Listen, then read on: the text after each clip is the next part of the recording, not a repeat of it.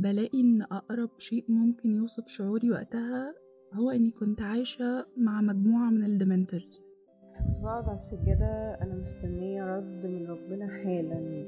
إني خلاص بنتهي اطلبي المساعدة لو احتجتيها. من حقك تطلبي المساعدة من حق الناس تساعدك. يا أهلا وسهلا. أنا ندى بديوي ودي حلقة جديدة من بودكاست في دماغي.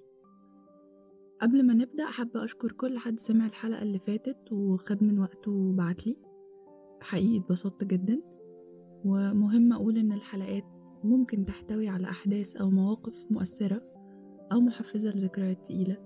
فلو حسيتوا بأي مشاعر صعبة وقفوا فورا وتقدروا ترجعوا للحلقة في أي وقت تكونوا مستعدين فيه.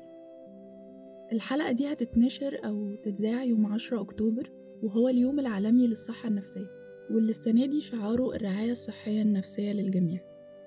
منظمة الصحة العالمية اختارت الشعار ده تحديدا بعد زيادة الحاجة للدعم والرعاية النفسية وظهور ده بشكل واضح بعد كوفيد 19 واللي في الحلقة اللي فاتت already اتكلمنا عنه وعن تجربتي مع العزلة وفترة ال quarantine وما بعدها.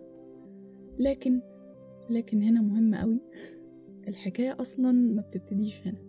أو يعني تجربتي مع طلب المساعدة النفسية المتخصصة ما بدأتش من أول الكورنتين. هي اتأخرت في الكورنتين. اللي عايزة أقوله يعني أني عندي اكتئاب اتشخصت باكتئاب من ثلاث سنين وبدأت العلاج وقتها بعد سنين من المعافرة وحرفيا المعاناة. وزي ما حكيت المرة اللي فاتت كنت لسه بادئة أتحسن والدنيا تظبط بس دخلنا في ال quarantine وبعدت عن الجلسات ووقفت الدواء لأسباب معينة مش هندخل فيها يعني. وهوب double kick دخلنا في كل اللي حصل مع القلق واللي حكيته المرة اللي فاتت. لما بفكر في كل السنين اللي عدت من قبل العلاج بلاقي إن أقرب شيء ممكن يوصف شعوري وقتها هو إني كنت عايشة مع مجموعة من ال Dementors. اللي بتتحرك معايا طول الوقت. ال Dementors للناس اللي ما شافتش هاري بوتر هي مخلوقات أو كائنات شبحية وحشية وقبيحة جدا بتتغذى على الذكريات السعيدة للبشر وبتمتص منهم الأمل والسعادة.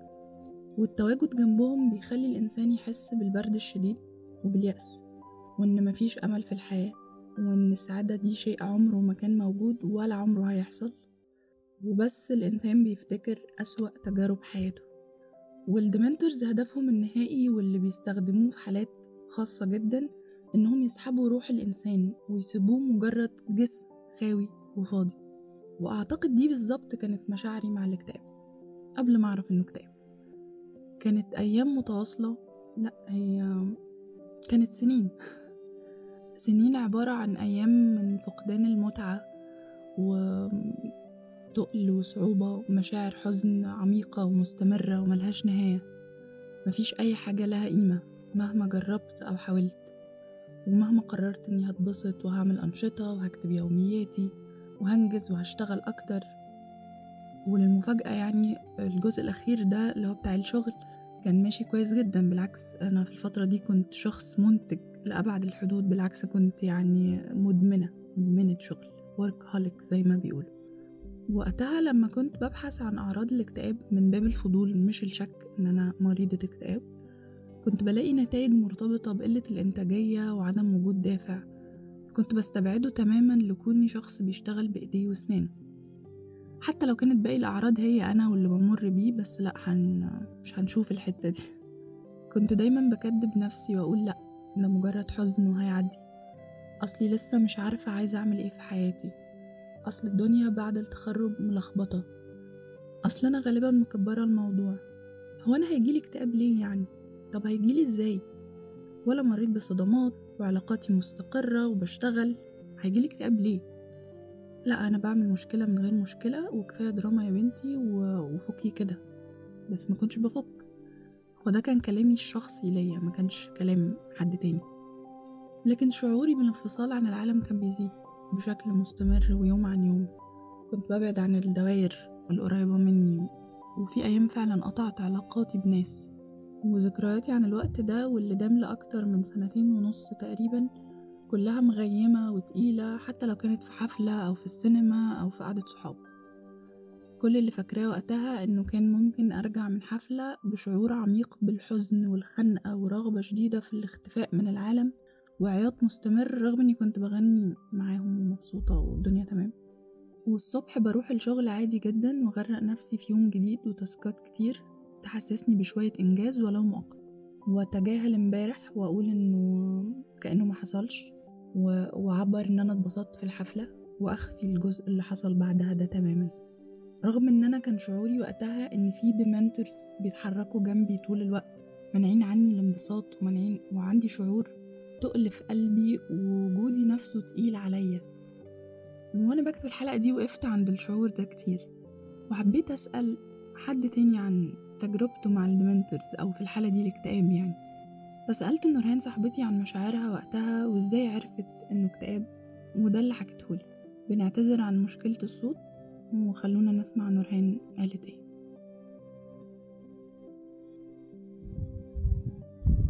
كنتش قادرة أو مستحملة أعيش وأنا متضايقة الضيق ده كله. ده مش شعور بالضيق ده حاجة أكبر بكتير. كأني في عالم ضبابي لكن جدا جدا. روحي مش عارفة تتآلف معاه خالص. مفهوش أي مصدر هوا مش أي مصدر هوا تنفسه. يخلي جسمي حتى يعرف يعني يعمل أي دورة من دوراته الحياتية العادية. كانت ساعتها كل أفكاري بتوجهني إني أرمي نفسي من الشباك. لمدة شهور. أفكار حقيقية. بتقولي إن ماليش مكان هنا. بتحسسني في ده بده في كل حاجة حواليا. حتى في انفعالات جسمي. سواء قبضة قلبي ووجعه تعبيره دايما عن الحزن أو حتى الفرح اللي كنت بحس بيه كان دايما وجع. وجع في قلبي. حاجة غريبة جدا عليا. كانش بيخليني أسكت أو بيرجعني عن أفكاري وبيخليني أصبر كده وأحاول أبقى عاقلة شوية أو أفكر بعقلانية أكتر يعني غير تفكيري في أهلي صمودهم محاولتهم المتكررة للمساعدة اللي هما مش شايفين لها أي نتيجة يعني. شايفين نتيجة وبيحاولوا رغم إنهم ممكن يغلطوا كتير ويلاقوا ردة فعل سيئة جدا مش متقبلة اللي هما بيعملوه أوقات أوقات تانية أعرف اقدره بس بالرغم كل ده هما كانوا موجودين وعايزين يبقوا موجودين عايزين يبقوا مش مؤذيين. حتى لو قلت لهم يعني من وقت للتاني إن أنتوا السبب في اللي أنا فيه ده يعني. رغم إني بعد كده اكتشفت إن أنا كنت جاهلة حاجات كتير يعني مش مش بس هما السبب. أه اللي كان بيوقفني دايما أه إن أنا أحس بالذنب. أوقات ممكن يشوفوني ميتة. أفضل أقول إيه التغيير اللي ممكن أسببه في عيلتي؟ الهزة الكبيرة اللي ممكن أهزها لهم دي. طب ليه؟ ليه أعمل فيهم كده؟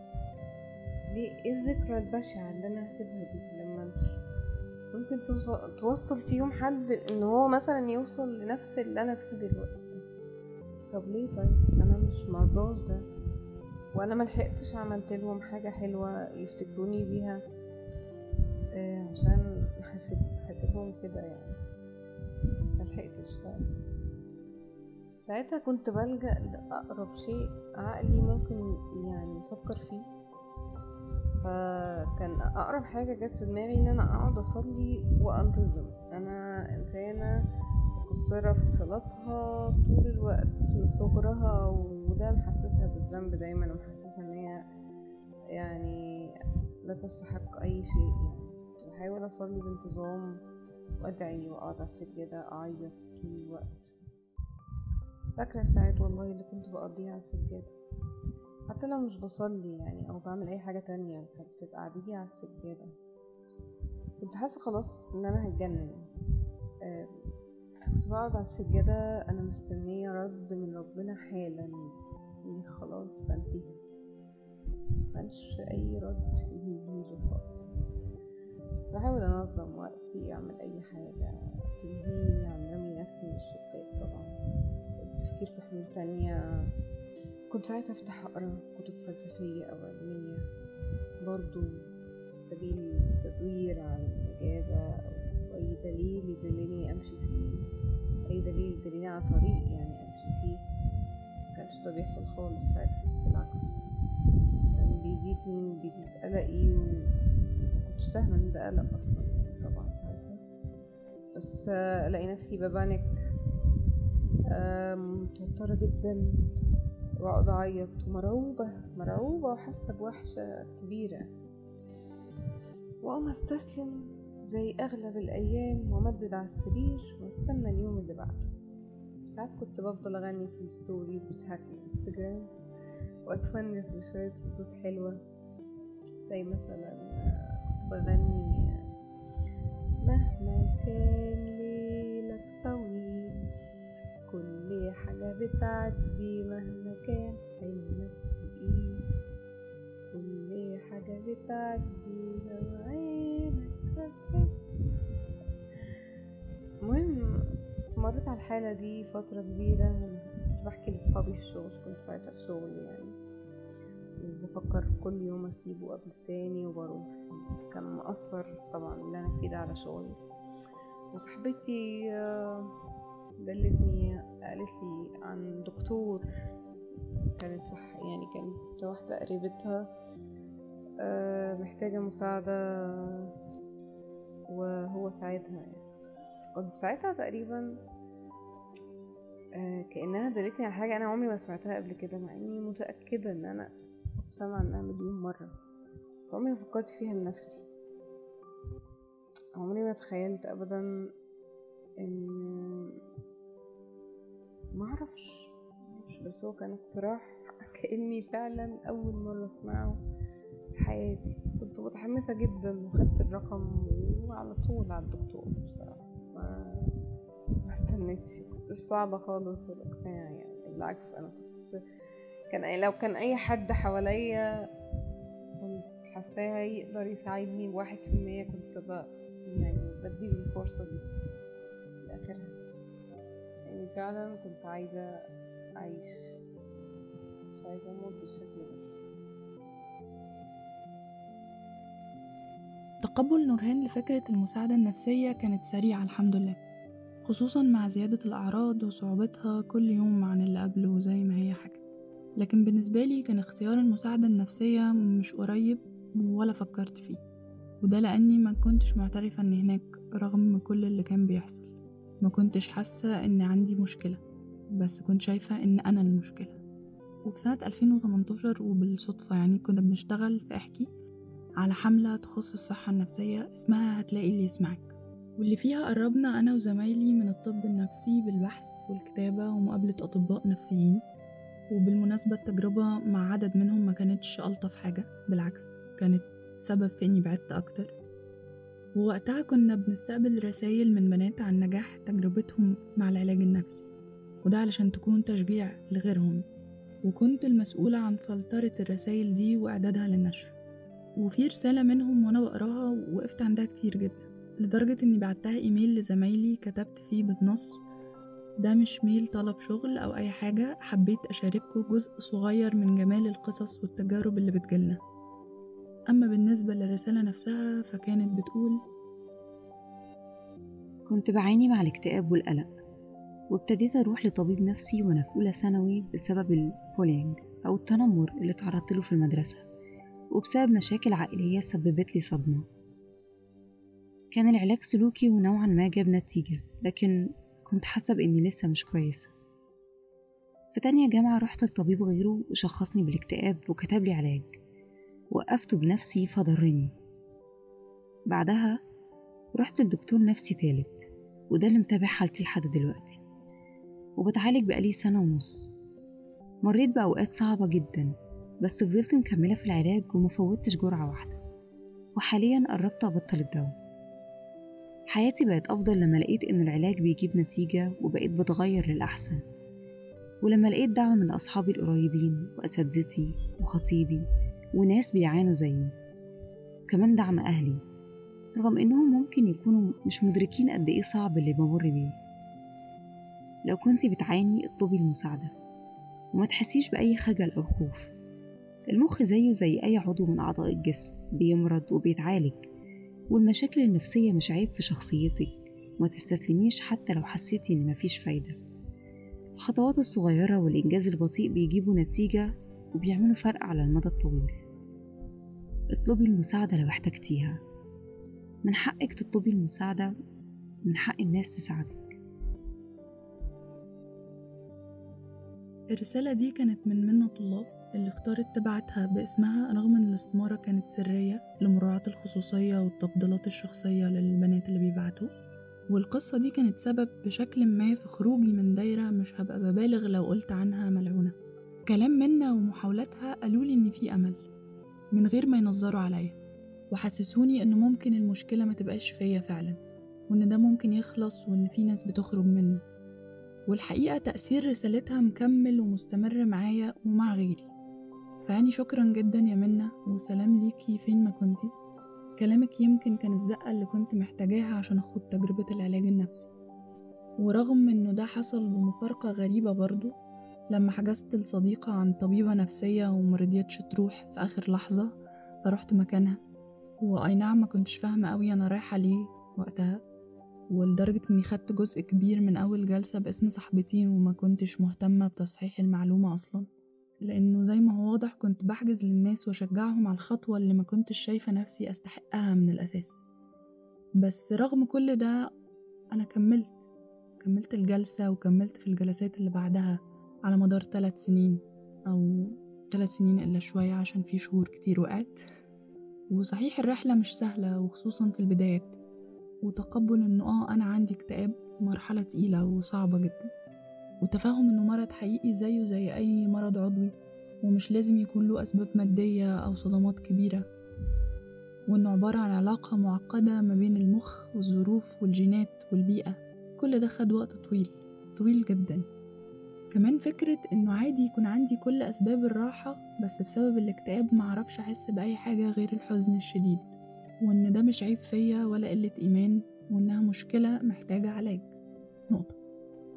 ده طبعا غير صعوبة تخطي الخوف من العلاج والكلام وهقول للناس إيه وهقول لأهلي إيه وهقول لأصحابي إيه. لكن المعرفة والمحاولة مع الأفكار والمحاولات المستمرة ساعدوني كتير.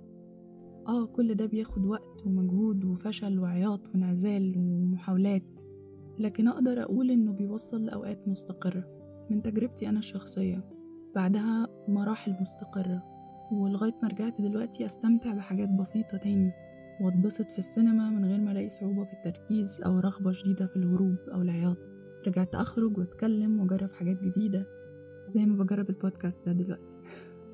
ورجعت أشوف الحياة ما فيهاش Dementors في كل مكان. ال Dementors اللي جي كي رولينج مؤلفة سلسلة هاري بوتر استوحت صفاتهم وتأثيرهم من معاناتها هي الشخصية مع الاكتئاب. بشجعكم تقروا أكتر عن الاكتئاب ولو مريتوا بمشاعر أو أفكار مشابهة ما تترددوش في طلب المساعدة النفسية من متخصص لأنها فارقة ومؤثرة بشكل حقيقي. وفي نهاية الحلقة أحب أشكر نورهان على مشاركة التجربة. وهدير على قراءة الرسالة. وطبعا كل الشكر لكم على وقتكم. ولو عجبتكم الحلقة دي شاركوها مع حد بتحبوه ممكن يكون مهتم. وهننهي برضو النهاردة بتمرين الامتنان وأقول إني ممتنة للهدوء وللبيت وللشعور بالأمان. أتمنى تشاركوني قائمة امتنانكم في الكومنتس أو في الرسايل. ده بيساعدني جدا. استنونا في الحلقة الجاية من بودكاست في دماغي. اهتموا بنفسكم دايما. حبيتي ندى